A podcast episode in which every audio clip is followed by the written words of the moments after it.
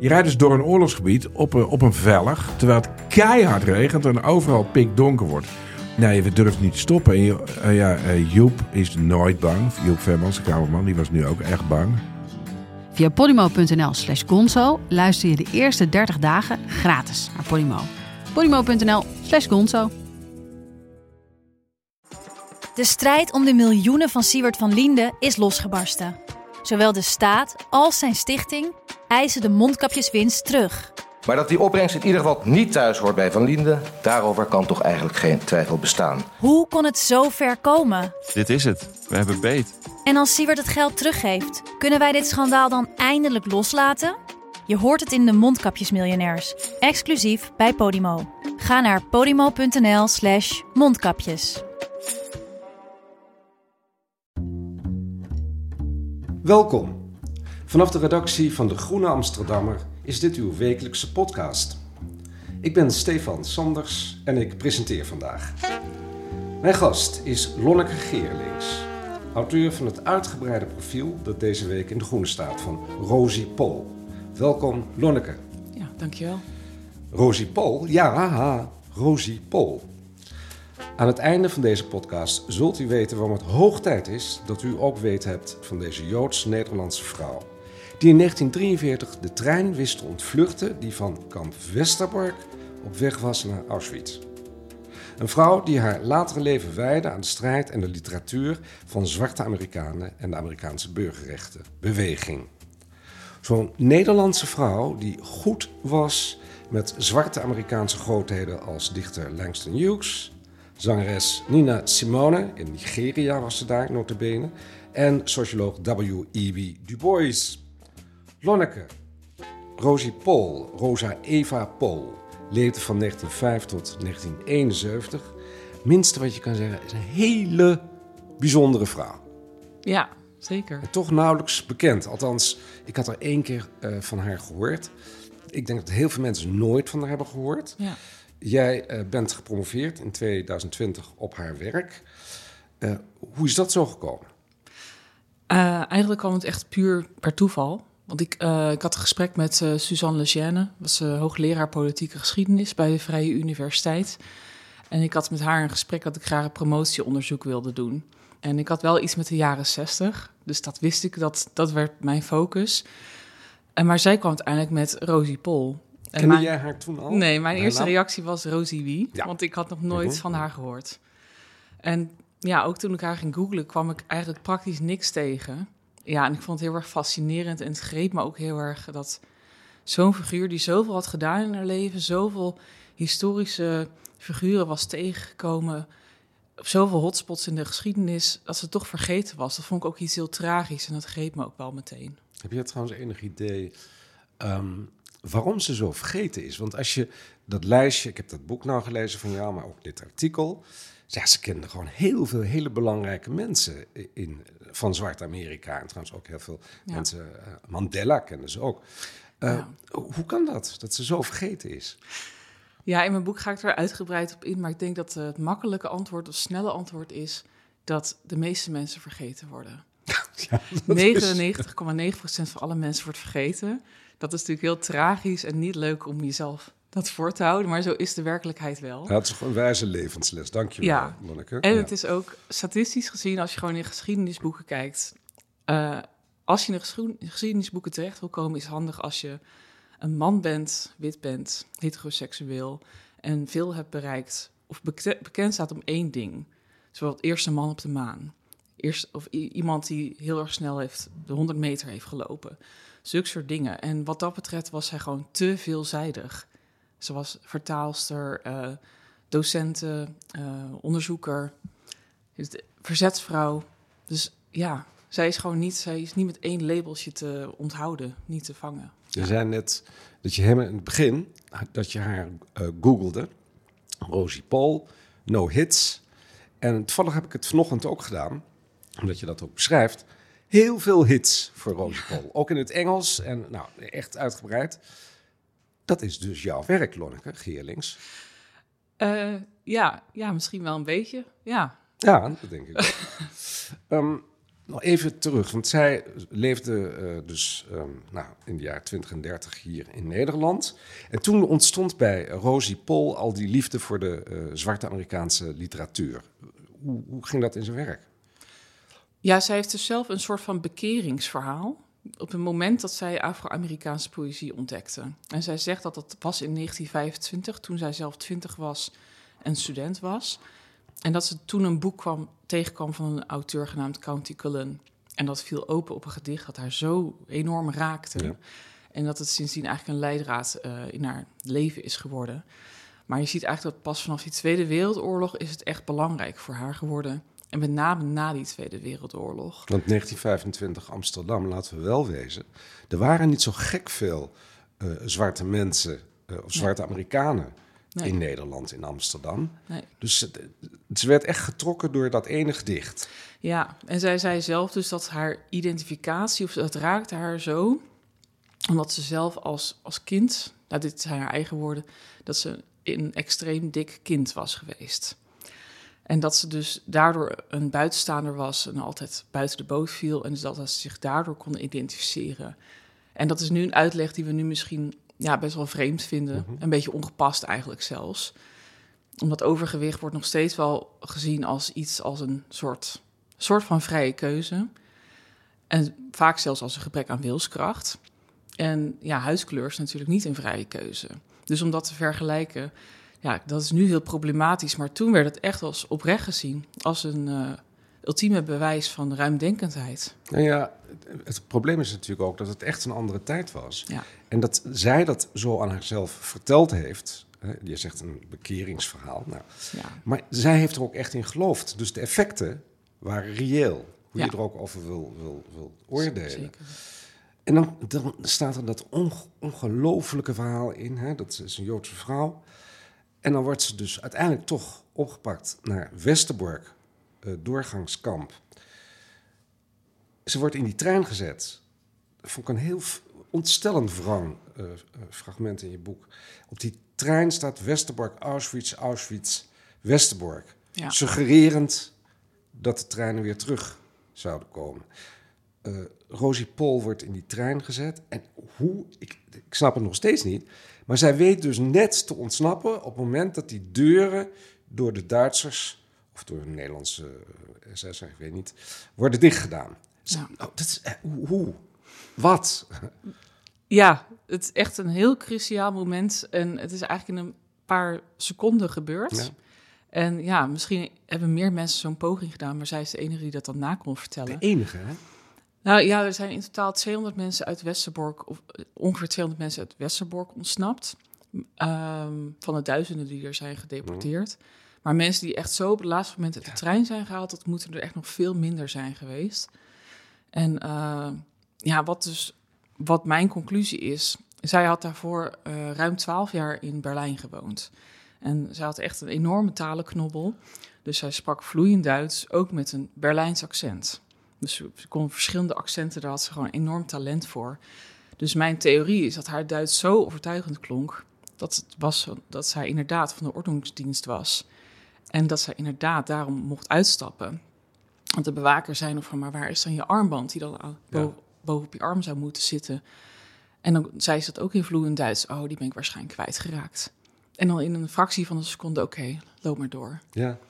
Zo is het dan gegaan. Ze ja. heeft zich ook gered, hè? Ze heeft zich door die oorlog heen gered. ja. Ehm, wat ook nogal een saillant detail is.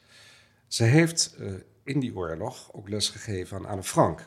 Ja, ook weer zo'n moment dat je denkt van... hoe is het mogelijk dat zij dus eh, Anne Frank tegenkomt? Maar ehm, toen zij in 1939 terugkwam uit Berlijn... toen is zij hier in Amsterdam eh, Engelse lessen gaan geven. Met name aan Duits- Duits-Joodse vluchtelingen die verder wilden trekken. Met na- naar Engeland, maar met name naar Amerika natuurlijk. En eh zij gaf ook aan, de, Edith Frank, dus de moeder van Anne Frank, gaf ze les. En later is ze ook les gaan geven aan het Joods Lyceum. En daar zat dus ook Anne Frank in haar klas. En het bijzondere is dat ze echt niet echt onder de indruk was van Anne Frank. Ze wist ook nog dat ze werkstukjes van haar moest nakijken. Ja, dat vond ze allemaal niet heel erg bijzonder. Eh, ze blonk niet enorm uit, was niet heel erg aanwezig. Ehm, En, uh, en na de oorlog, omdat zij de familie Frank al kende, kwam zij na de oorlog Otto Frank tegen zijn vader. En die heeft aan haar gevraagd van, ik heb hier het dagboek van mijn dochter. Zou je dat willen doorlezen? En dat is echt in mei of juni 1945 geweest. En dat heeft ze ook doorgelezen als een van de allereerste. En daar was ze ook niet bij zich van onder de indruk. Ook zo bijzonder. En um, ja. het interessante is dat de wereld natuurlijk later wel degelijk enorm onder de indruk was. Niet alleen van Anne Frank, maar ook van het feit dat Rosie Pool Anne Frank had gekend. Laten we even luisteren naar een fragment uit 1963. We're talking with Dr. Rosé Pool, who uh, was born in Amsterdam and is now living in London. She was also the teacher of Anna Frank. Dr. Poole, it's a great pleasure to have you with us today on Reader's Corner. It's a pleasure to hear you say Anna Frank in the right pronunciation. Oh, thank you. Because I've got so used in this country to hear her call Anne Frank, and I heard people call her Anne Frank, and goodness knows in what for pronunciations of the names of just an ordinary child that I used to know so very well. When she came to Holland in, when was it? She was three years old about the beginning of 1934, mm-hmm. the Franks came to Holland from Frankfurt when Mr. Frank saw that there was no future for his family in the country where they were born. And, uh, you know, he had business connections in Holland. He was an importer of spices. Mm-hmm. And so they decided to take the short way and go to Holland. Yeah, Dr. Poole Dat is, de twee dingen zijn interessant natuurlijk. Uh, Pool, uh, ja goed, het is logisch dat uh, Engelsen of Amerikanen haar naam zo uitspreken. Ja. Maar er is nog iets anders. Dr. Pool. Ja. Hè, de, de, de grote in Berlijn gepromoveerde dokter Pool. En dat was toch weer niet zo bleek na jouw onderzoek. Ja. Hoe zit dat? Dat klopt. Ja, eigenlijk voordat ik, toen ik aan mijn onderzoek begon, toen ehm, startte ik met het idee nou, dat ze gepromoveerd was. En dat ze antropoloog was. Want zo omschreef ze zich later in haar leven. Maar later kwam ik eigenlijk tot de conclusie dat het eigenlijk vrijwel onmogelijk is dat ze ooit is afgestudeerd en al laat staan dat ze is gepromoveerd. Dus dat is eh, ja, iets dat ze, een vriend van haar zei, het was iets dat ze zichzelf had aangemeten. En misschien was het een soort van, ja, een leugen. Als je er eenmaal mee begint, dan kom je er ook niet meer onderuit. Maar het was wel iets dat enorm veel deuren opende. Ook bijvoorbeeld in Amerika. Want iedereen geloofde dat ook. Ja, er werd dus ook niet om diploma's gevraagd. En als er om werd gevraagd, dan was dat... ja, ik was begonnen aan mijn onderzoek toen ik in, in Berlijn woonde, in Nazi-Duitsland. Maar uh, al mijn papieren zijn, uh, zijn verloren gegaan. En dan was de kous daar ook mee af. Nou ja, ja. wel begrijpelijk. Ja. Nou ben je zelf gepromoveerd. Ja. Het is heel veel werk. Kijk, ik ben heel erg geneigd om te denken... nou ja, vrouw heeft zo'n zware tijd gehad. Uh, natuurlijk, ze mag haar cv een beetje verfraaien. Uh, maar ik ben niet gepromoveerd. Jij wel. Uh, hoe makkelijk was dat voor jou om dat te accepteren, die leugen? Nou, in het begin dacht ik wel van, nou, dit doe je niet. Dit, dit kan gewoon echt niet. En ik voelde me ook wel een beetje verraden toen ik erachter kwam. Maar ik ben toch wel in de loop der tijd wat softer geworden. Ik denk als haar leven helemaal was gelopen zoals ze had, had gehoopt, dan ja, um, dan was ze gewoon naar Berlijn verhuisd, had ze daar de studie afgerond. Dan waren de nazi's nooit aan de macht gekomen. Was er geen Tweede Wereldoorlog geweest. Ja, misschien was ze dan wel gepromoveerd. En het getuigt ook wel van haar uh, vastberadenheid. Om gewoon echt het meeste uit het leven te halen. Om gewoon haar doelen te halen. En ze liet zich door niemand in de weg staan. Niet door mensen, niet door situaties. En ook niet door haar eigen cv of haar eigen verleden. En dat vind ik ook wel... Uh, ja, wel bewonderenswaardig. Ik zou het zelf nooit doen, maar het is wel heel bijzonder. Ja, maar wij hebben ook in andere omstandigheden geleefd. Ja. En ik noem het dan toch levensdrift. Ja, zeker, als je echt net ontsnapt bent aan Auschwitz. Um, iemand anders die zij ook heel goed kende, Nola Hatterman, ook een Nederlandse vrouw, beeldend kunstenaar, die ook heel erg bezig was, ook in het interbellen, maar ook zeker na de Tweede Wereldoorlog, met Zwart Amerika, met Zwart koloniaal Nederland, met Suriname, zwarte mannen, vooral zwarte vrouwen. Schilderes heeft er veel uh, over geschilderd en gedaan. En die twee vrouwen, die kenden elkaar, leerden elkaar kennen door hun enorme interesse in zwartheid. Ik noem het maar even zo. Nou is Nola Hatterman is een heel geval apart. Uh, Ellen de Vries heeft er een mooie biografie over geschreven. Uh, Nora Hatterman was een, een, een, witte vrouw, zouden we nu zeggen. Maar die, die was zo geobsedeerd door zwartheid... dat ze zichzelf ook zwart begon te vinden en voelen. Ja. Zij, voel, ja, ze, zij was zwart geworden. Ze is later ook naar Suriname gegaan, verhuisd, heeft daar een kunstschool opgericht. Uh, Paramaribo vond ze eigenlijk de wereld. Toen is ze naar Marondorp diep in het binnenland verhuisd. Dus zij was zwart geworden.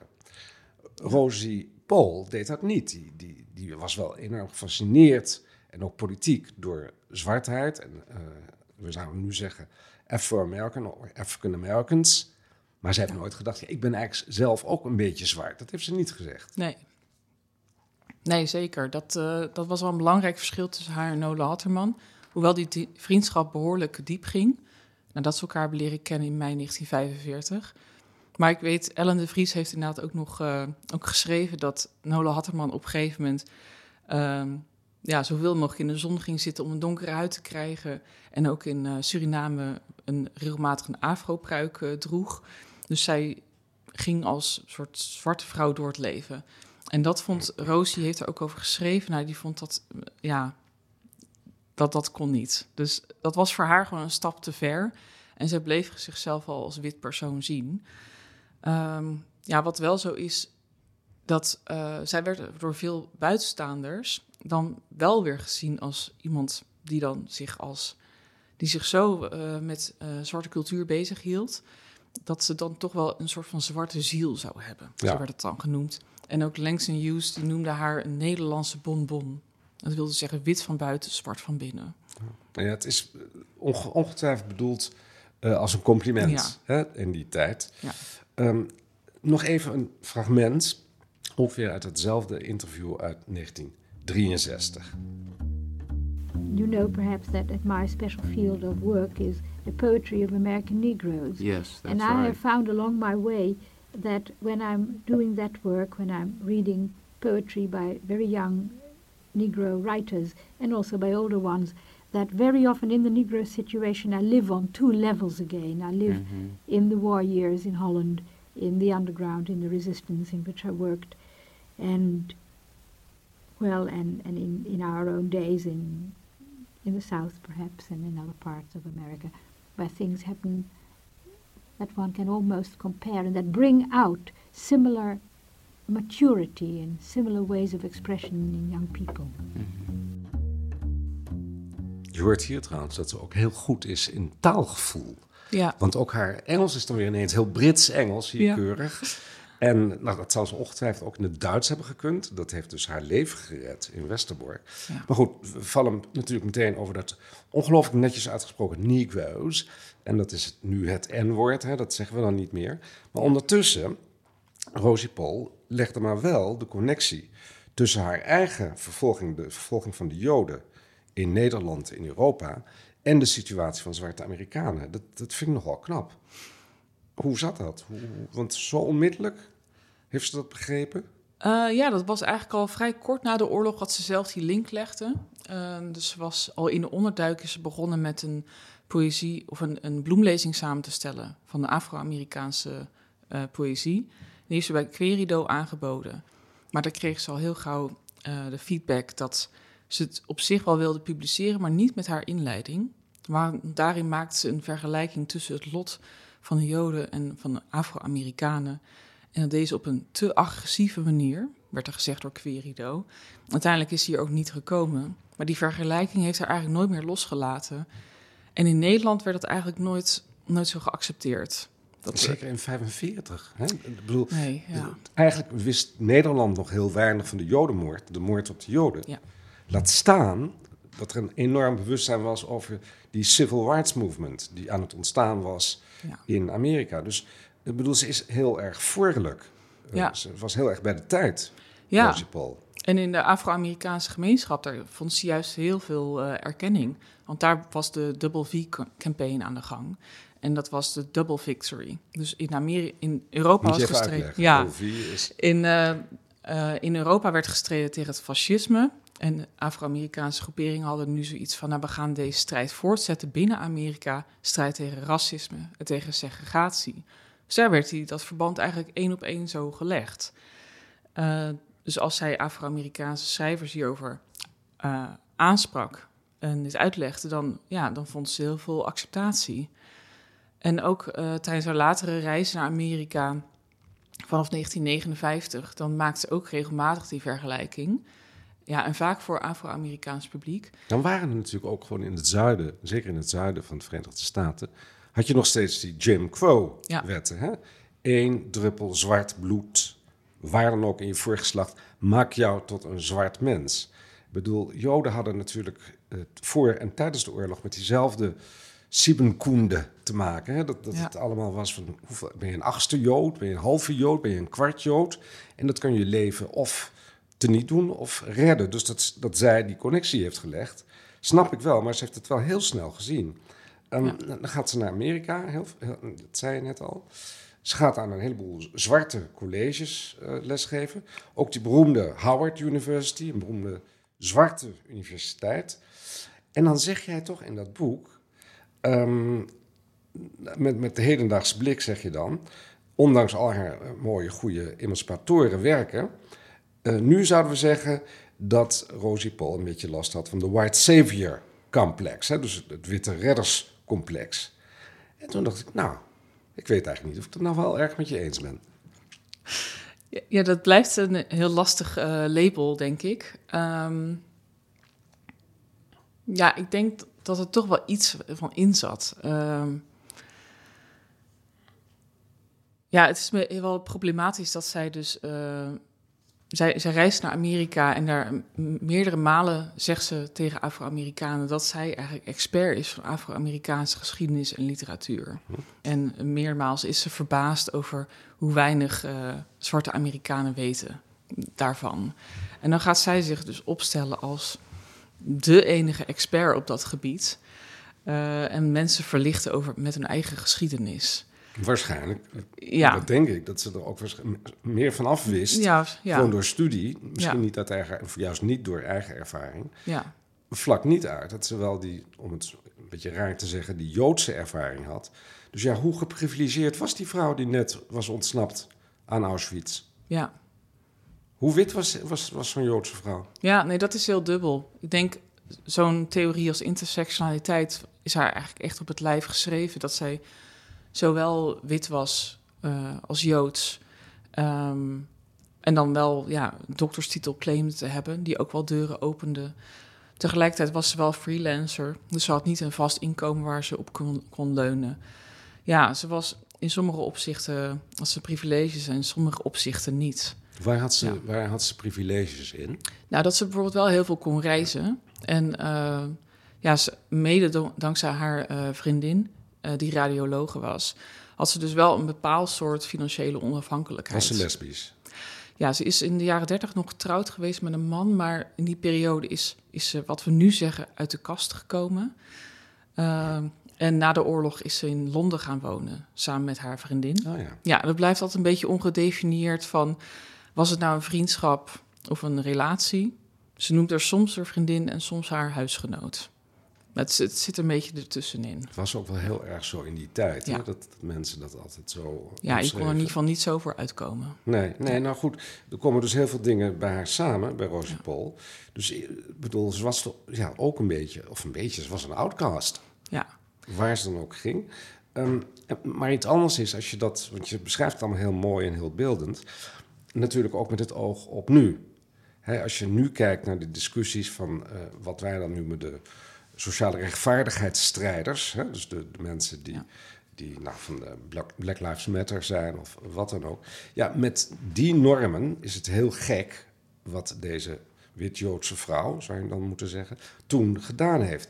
Tegelijkertijd denk ik, um, ze had natuurlijk met, met de huidige normen, correcte normen, was Rosie Paul had zich nergens meer mee bemoeid. Die was ook helemaal niet naar al die vreselijke zuidelijke staten gegaan om daar les te geven. Want dan had ze moeten zeggen: Ja, maar ik ben niet black. Want dat mag ik helemaal niet doen. Dat is, dat is witte redderscomplex.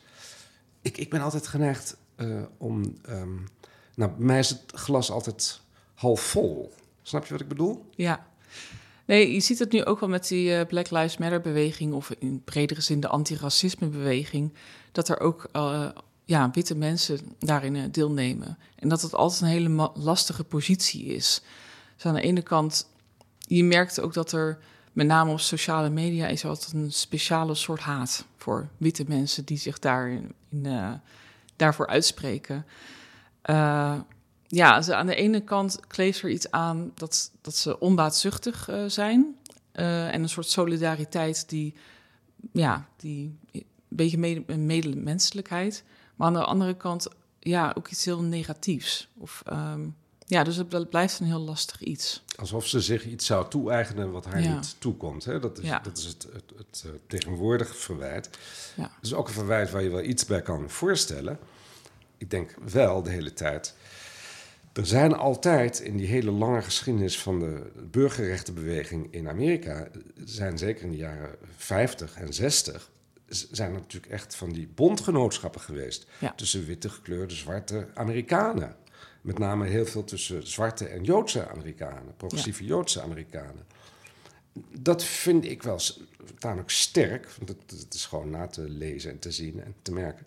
Dus ik vind het ook wel een, een vorm van kritiek op het huidige beleid van die eh, linksactivistische kringen. Hè? Want uiteindelijk dreigt het de hele tijd te gaan over: heb je wel het juiste ras of de juiste etnische identiteit? Ja, ja. het is zeker haar, ja, haar solidariteit met, eh, met mensen van kleur. Dat is iets ja, waar we nu heel anders tegenaan kijken, denk ik. En zeker in die periode dat zij actief was, was het ja, voor Amerikanen heel duidelijk dat er een soort bondgenootschap was tussen Afro-Amerikanen en Joden. Dus je hebt ook heel veel foto's van, van die vredesmarsen waar Martin Luther King samen met een rabbijn voorop loopt.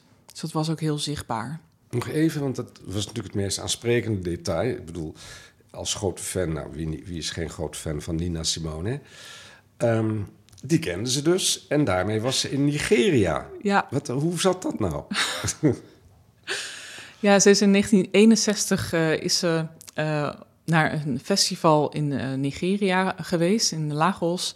En dat werd georganiseerd vanuit de American Society of African Culture. En ze is eh, uitgenodigd door Langston Hughes op eh, persoonlijke titel. Ook al niet mis, de grote Amerikaanse dichter. Nee. Ja. En dat is dan wel heel bijzonder dat zij met allerlei Afro-Amerikaanse grootheden daar dan eh, zit. En daarmee optrekt. En als een van de weinige witte vrouwen daar is. En later tijdens mijn onderzoek kwam ik er ook achter dat dat dan ook heimelijk in geheim was gefinancierd door de CIA. Door de CIA. Ja, Want Ja. zij was heel communistisch van snit. ja eigenlijk wel, van oorsprong wel. Ja, ze is wel later misschien eh, vooral naar buiten toe wat conservatiever geworden, wat gematigder. Maar eigenlijk in hart en nieren was ze nog steeds wel echt die... eh, Een Nederlandse communist Ja. voor de oorlog. Hè? Ja, Dat- ja. Dat, waar, waar Of revolutionair socialist. Ja, dat was meer een smaakje. de Revolutionair Socialistische Ja. Arbeiderspartij. Ja, maar ze had er wel het- echt contact met Henk Sneevliet. dus ze was wel echt in die voorman kringen. van die partij, Henk Sneevliet. Ja, nee, Ja. is... eh, tot slot, ben jij... ehm, je hebt nou dat hele... Je hebt die hele promotie heb je, nou, heb je gedaan. Vervolgens heb je deze publieksversie geschreven. Ehm, ben je in de loop van de tijd anders gaan denken over Rosie Pol en hoe dan? Ehm, ik denk toen ik begon, toen had ik een meer een soort heldin in gedachten. Van ik ga de biografie schrijven van een vergeten held uit de Nederlandse geschiedenis. En eh, in de loop der tijd kwam ik toch achter dat het allemaal wat anders lag. En ik ben er gewoon steeds meer als mens gaan zien. Dus ik heb er ook proberen te portretteren met al haar, ja, al de goede dingen die ze heeft bereikt, maar ook al haar eigenaardigheden, de fouten die ze heeft begaan. Eigenlijk alle grijze tinten daartussen. Eh, dus ja, uiteindelijk ben ik er meer als mens gaan zien. De vele levens van Rosie Pol. Strijdbaar van Westerbork tot Mississippi. Dat is de titel van dit boek, hè, publieksversie van je promotie. Atlas Contact geeft het uit. Is het al in de winkel? Ja, ja. Dan eh, hoeven de lezers niet te aarzelen. Dankjewel, Lanneke Ja. Geerlings. Dankjewel. graag gedaan.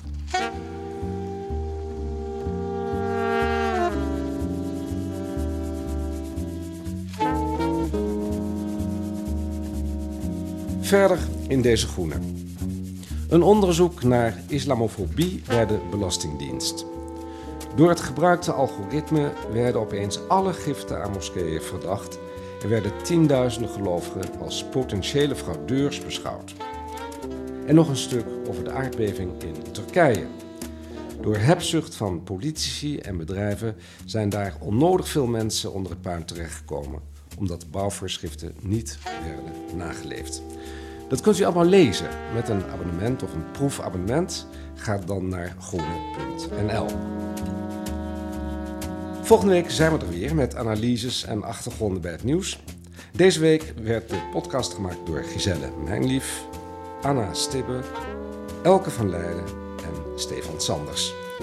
En de eindtune die u nu hoort is A Tune for Anne van Paul van Kemenade.